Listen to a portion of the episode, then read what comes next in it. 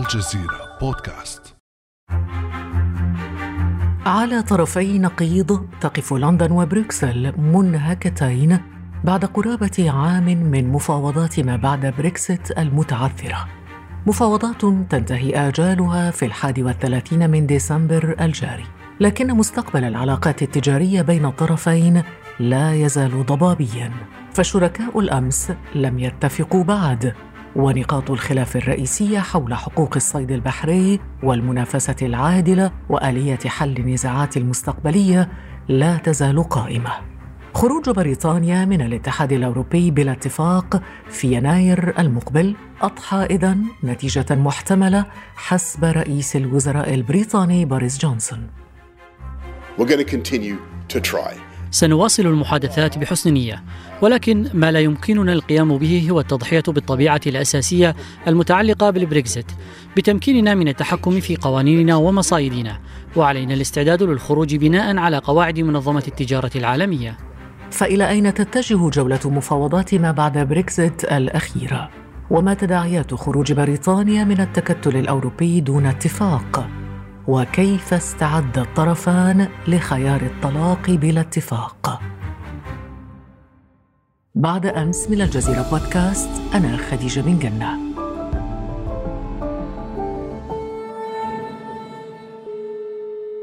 ينضم إلينا في هذه الحلقة لمناقشة هذا الموضوع الدكتور أديب زيادة الأستاذ المختص في الشؤون الأوروبية بجامعة قطر. صباح الخير دكتور أديب. صباح الخير يا مرحبا. دكتور أديب زيادة لو بدأنا بهذه المفاوضات المتعثرة ما زالت تراوح مكانها منذ أشهر نريد أن نفهم في الواقع لماذا هذا التصلب في المواقف دكتور أديب؟ هو الحقيقة الحديث عن موضوع الخلاف المستعصي حاليا بين الاتحاد الأوروبي وبين لندن هو متعلق فيما ليس هو الظاهر حقيقة. يعني ليس متعلقا في الصيد أو في شروط المنافسة العادلة أو في قضية الحوكمة فيما بعد بقدر ما هو متعلق بما خلف هذه القضايا. نحن نتحدث عن فلسفة الطرفين في التفاوض مع الآخر. هناك اختلاف كبير غير متحدث عنه غير مصرح به. هو مختفي في داخل كل طرف من الطرفين. بمعنى أنه بروكسل الآن تتفاوض حقيقة مع لندن ولكن عينها على الفناء الخلفي لها. بمعنى أنه بريطانيا خرجت من الاتحاد الأوروبي ولابد أن تكون بريطانيا ما بعد الخروج ليست كبريطانيا ما قبل الخروج وليست أفضل حالا من بريطانيا قبل الخروج. فإذا كان هناك أي اتفاق سيحصل ما بين بروكسل ولندن على قاعدة أن تتحسن أوضاع بريطانيا فيما بعد هذه ستكون رسالة سيئة جدا. جدا للأطراف التي تقف على الدور الآن في الاتحاد الأوروبي والتي ربما تحذو حذو بريطانيا في مسيرتها. وهذا يقر به حقيقة المفاوض الأوروبي تحديدا عندما يتحدث عن أسباب خروج بريطانيا من الاتحاد الأوروبي. لا زالت ذات الأسباب موجودة في أماكن أخرى من الاتحاد. لذلك يريد أن يجعلوا من بريطانيا مثالا سيئا وليس مثالا جيدا يحتذى حذو في الخروج من الاتحاد الأوروبي.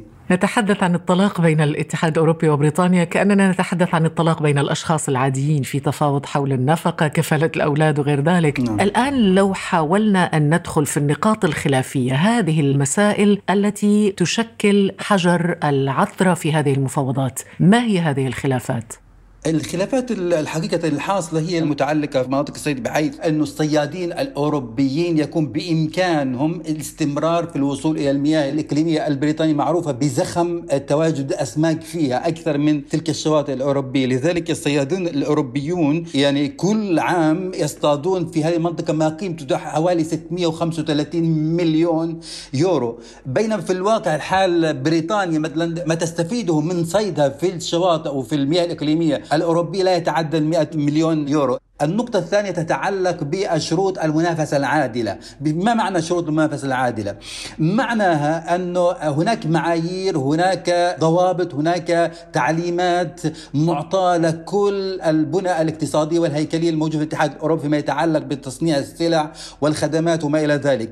هذه يريد الاتحاد الأوروبي من جارته اللي هي بريطانيا الآن أن تلتزم بهذه المعايير فيما يتعلق بسلعها وببضائعها وما إلى ذلك حتى يكون هناك نوع من المنافسة. المنافسة بين قوسين المعقولة. لا يمكن الطلب مثلا من المنتج الأوروبي الالتزام بشروط تتعلق بالبيئة وما يترتب على ذلك من تكلفة لهذا المصنع أو ذاك المصنع. وفي نفس الوقت تتنصل على سبيل المثال بريطانيا من الالتزام بالشروط البيئية الموجودة.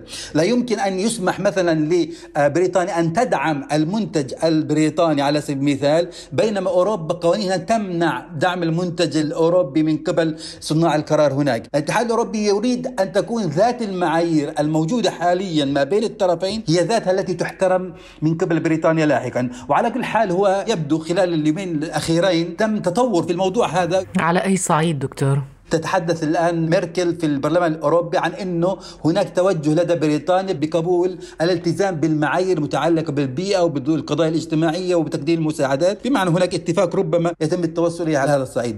النقطة الثالثة تتعلق في مسألة الحوكة. بمعنى إذا حصل هناك نزاع ما بين الطرفين فيما يتعلق بتطبيق اتفاقية البريكزيت لاحقا أو اتفاقية التجارة الحرة لاحقا فإلى من يحتكمون؟ الاتحاد الأوروبي إجابته واضحة في الموضوع هذا أن الاحتكام الحكم سيكون إلى محكمة العدل الأوروبية؟ بينما بريطانيا تقول أنه إحنا خرجنا من الاتحاد الأوروبي لم نعد جزءا من هذا الاتحاد الأوروبي لذلك لا نقبل الاحتكام إلى المحكمة الأوروبية في الموضوع هذا. ترى بريطانيا أنه انسجاما مع روح البريكزيت والاستفتاء الذي حصل حول البريكزيت يجب على بريطانيا أن تلتزم فيما يتعلق بهذا الجانب بشكل صارم في عدم الالتزام بالقوانين الأوروبية. دكتور أديب رغم كل هذا التعثر وهذا التأثر التأزم في المفاوضات ما زال الطرفان مصرين على عدم الانسحاب من المفاوضات. لماذا برأيك؟ هذه مسألة عض أصابع حقيقة ما بين الطرفين وهي بين قوسين دبلوماسية ما يسمى بدبلوماسية اللحظة الأخيرة أنه يبقى الطرفان يستنتظرون حتى اللحظة الأخيرة لكي يصرخ أحدهما. مين اللي راح يصرخ أولا؟ كما قلت لك الآن يبدو في هناك حلحلة فيما يتعلق بالحوكة ما بين قوسين وفي هناك حلحلة فيما يتعلق بالمعايير التعامل الآمن أو سلامة الإجراءات فيما يتعلق بين الطرفين أيضا واحترامها لكن تبقى مسألة صيد الأسماك وهذه أرى ربما من هان لفترة آخر الشهر هذا ربما يتمكن الطرفان من الوصول إلى اتفاق حول حقيقة لأن المسألة هذه متعلقة في 635 مليون يورو أنه تتعطل تجارة وخدمات ما بين الطرفين تصل إلى قرابة تريليون دولار.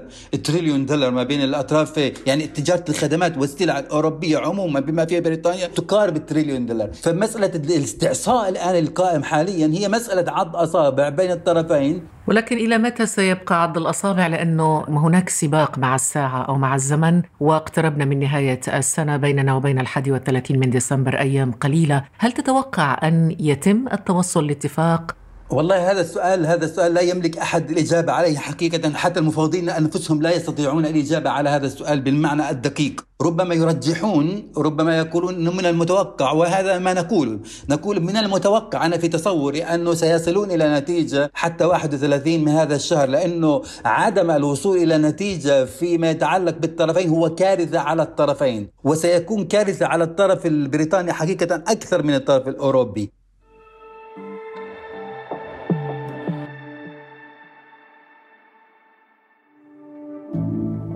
ابقى على تواصل مستمر مع الجزيرة بودكاست ولا تنسى تفعيل زر الاشتراك الموجود في تطبيقك لتصلك الحلقات يومياً.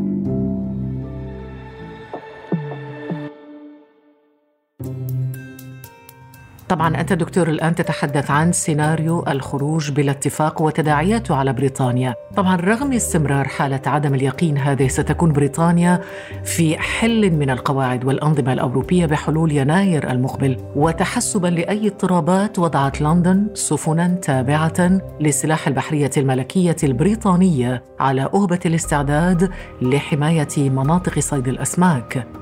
انتشار أعاد للأذهان ما يعرف بحروب سمك القد بين المملكة المتحدة وأيسلندا حول حقوق الصيد التي استمرت قرابة عشرين عاماً قبل تسويتها في السبعينيات. دكتور أنعشنا الذاكرة ببعض الذكريات القديمة وعدنا إلى السبعينيات وما قبلها. لكن هل تعتقد أن هذا السيناريو سيناريو الخروج بدون اتفاق مطروح فعلا من حيث المبدأ نعم. لكن أرى أنه لن يكون عمليا بتاتا بمعنى ارتداداته وانعكاساته الكارثية على الاقتصاد البريطاني. كارثية بمعنى الكلمة. يعني عندما نتحدث عن 49% من التجارة البريطانية تتم مع الاتحاد الأوروبي و11% أخرى تتم مع أطراف ثالثة متفقة مع الاتحاد الأوروبي وفقط 40% من الاقتصاد البريطاني يتعامل مع العالم الخارجي اللي هو غير خارج إطار أوروبا والدول المتعاطية مع أوروبا. إحنا نتحدث عن انعكاسات ستكون هائلة ستكون عندنا بطالة مجنونة في حالة الانفصال بدون اتفاق. ستكون هناك تعطل في الخدمات ستكون هناك تكدس على الحدود ما بين الأطراف ستكون هناك إشكاليات ليس لها حصر حقيقة في اللحظة الحالية.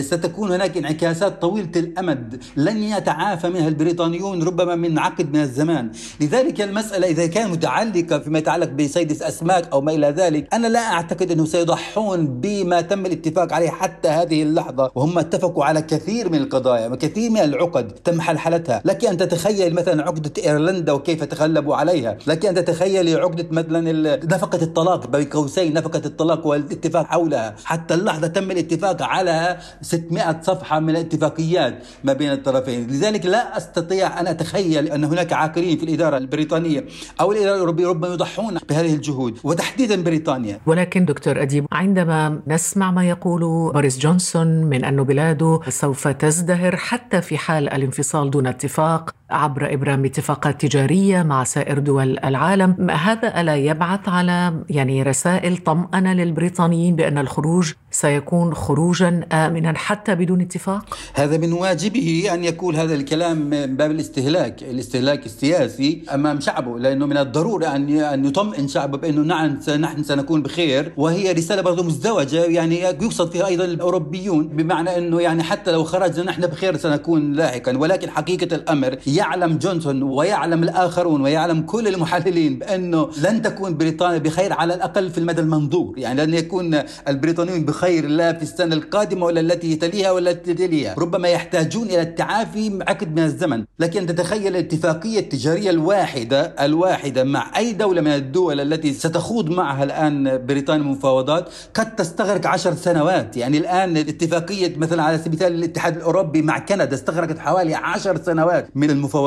الاتحاد الأوروبي مع أمريكا تقريبا أيضا عشر سنوات ولم يصلوا إلى اتفاق حتى اللحظة. وآخرون كذلك. ولا أعتقد أن بريطانيا سيكون من السهل عليها أن تدخل الآن في اتفاقيات مع العالم كله. هذا سيحتاج إلى جهود فنية وخبراتية ومعلوماتية هائلة جدا وطواقم واكرار في البرلمان ونقاش في البرلمان وما إلى ذلك. هذا سيستغرق سنوات طويلة جدا حتى يتمكنوا من التغلب عليه. لذلك جونسون إذا تحدث عن فكرة أنه البريطاني سيكون بخير البريطاني لن يكونوا بخير. في المدى المنظور. هو يكذب على الناس إذا قال لهم نحن سنكون بخير هو مباشرة إذا خرج بلا اتفاق ستجدون إنه هناك انعكاس مباشر على الجنيه الاسترليني ستجد انعكاس مباشر على واقع الشركات الخدمات لأنه مشكلة بريطانيا أن اقتصادها يقوم على الخدمات بمعنى أن هناك الصيرفة المحاماة الموسيقيون الطهاة غيرهم من من الفئات المجتمعية التي تقوم كل اقتصاد بريطانيا على فكرة الخدمات. هذا كان يضمن وصول امن للسوق الاوروبيه الآن س... إذا خرج بلا اتفاق بمعنى ستكون هناك قطع في هذه العلاقة. ولكن أن تتخيلي كم من الناس ستفصل من أعمالها و... وهذه ارتدادات خطيرة على اقتصادات أوروبية أصلا أضعفها أو أنهكها كوفيد 19 هناك تخوفات أخرى يعني على صعيد الحياة اليومية للناس من ارتفاع أسعار الأغذية من تراجع للجنيه الاسترليني من حركة تنقل الناس بين بريطانيا ودول الاتحاد الأوروبي ربما لن يصبح للأوروبيين أي ميزة تفضيلية مقارنة ببقية المهاجرين إلى بريطانيا. ماذا على هذا الصعيد؟ هو في حال الخروج بدون اتفاق المسألة ستكون أكثر تعقيدا على الساحة البريطانية حقيقة لأنه كما قلت لك أن هناك ميكانيزمات جماعية تعاونية واسعة تتعلق ب 27 دولة في الاتحاد الأوروبي وتتعلق بمجموعة هائلة من الدول على الصعيد العالمي تربطها اتفاقات مع الاتحاد الأوروبي لذلك أي خسارة أوروبية على الصعيد البريطاني سيكون هناك تأثيرات على المواطن الأوروبي في جوانب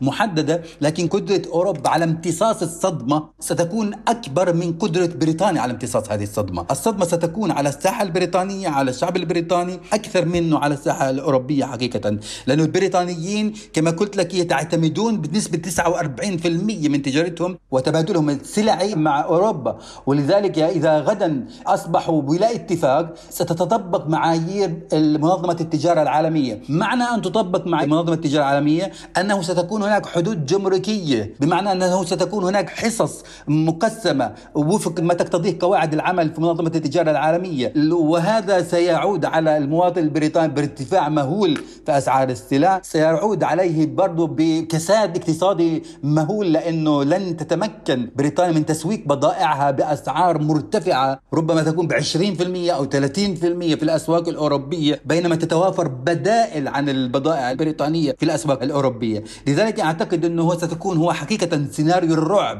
سيناريو الرعب والصدمة اللي ستعاني منه بريطانيا إذا ما لجأت إلى هذا الخير. وما يتم الحديث فيه هو عبارة عن فقاعات للاستهلاك المحلي والدليل على ذلك كما قلت لك تصريحات ميركل تتحدث عن أنه يعني تقريبا وصلنا إلى حلول فيما يتعلق بالحوكمة تقريبا وصلنا إلى حلول فيما يتعلق بالشروط العادلة في التجارة. وبقيت مسألة الصيد. أعتقد مسألة الصيد من هنا حتى 31 من هذا الشهر سيتمكنون من التغلب عليه سيما أن بريطانيا اقترحت حلول يعني بريطانيا تقترح حلول الآن فيما يتعلق بمسألة الصيد. ولكن التعنت من طرف بروكسل؟ بروكسل الآن كما كنت أقول لك في البداية بروكسل تريد أن تخرج بريطانيا أقل استفادة مما كانت عليه في علاقتها المباشرة مع الاتحاد الأوروبي وإلا ستهدد كيانية الاتحاد الأوروبي. يعني مش سهل انه دولة تخرج بعد 40 سنة دكتور أديب يعني وأنت قلت في بداية الحلقة أن بروكسل تريد إعطاء درس للآخرين لكل من يفكر في الخروج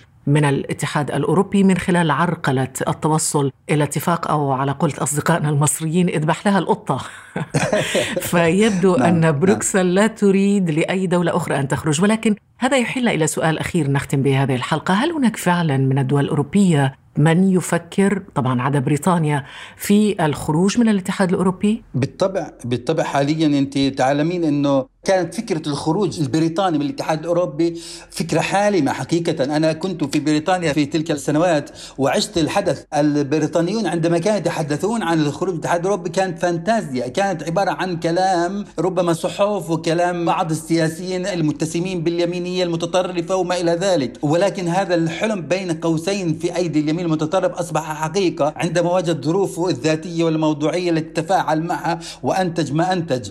لذلك إذا تنظرين إلى الخارطه في أوروبا نحن نجد إنه هناك صعود لليمين المتطرف في أكثر من زاوية من زوايا الاتحاد الأوروبي. وعلى رأسهم فرنسا وعلى رأسهم إيطاليا وعلى رأسهم تشيك وبولندا وغيرها من دول اوروبا الشرقية. هناك دول عديدة الآن يصعد فيها نجم اليمين المتطرف الذي يقوم فكرته وفلسفته على الانطوائية وليس الانفتاحية. هو يقوم على فكرة معاداة فكره الاتحاد الأوروبي. لكن أن تتخيل الآن المنافس الأكبر لماكرون الآن في السياسة الفرنسية هي اليمين اليمينيه المتطرفه المعروفة. مارين لوبان ولذلك هل هي بين قوسين؟ ربما أنها هذه تأتي بالفوز وتأتينا فريكزيت ربما اللي على غرار بريكزيت تكون عندنا فريكزيت لاحقا. يعني وما يدريك أنا فرانسيكزيت. بالضبط. لذلك لا أعتقد انه المسألة بهذه السهولة اوروبا يجب أن تعطي بريطانيا درسا فيما يتعلق بالخروج من الاتحاد الأوروبي يتعلم منه الآخرون. نعم. وربما يكون هذا التعثر والتأزم ربما مفهوما لأنه الطلاق بين الناس يعني إذا بعد 40 سنة زواج سيكون معقد وصعب فما بالك بين الدول دكتور؟ طبعا طبعا بالتأكيد بالتأكيد صحيح. شكرا جزيلا لك دكتور أديب زيادة الأستاذ المختص في الشؤون الأوروبية بجامعة قطر. ألف شكر لك دكتور. أهلا بك أستاذة خديجة وكان لنا الشرف الله يبارك فيك شكرا. كان هذا بعد أمس.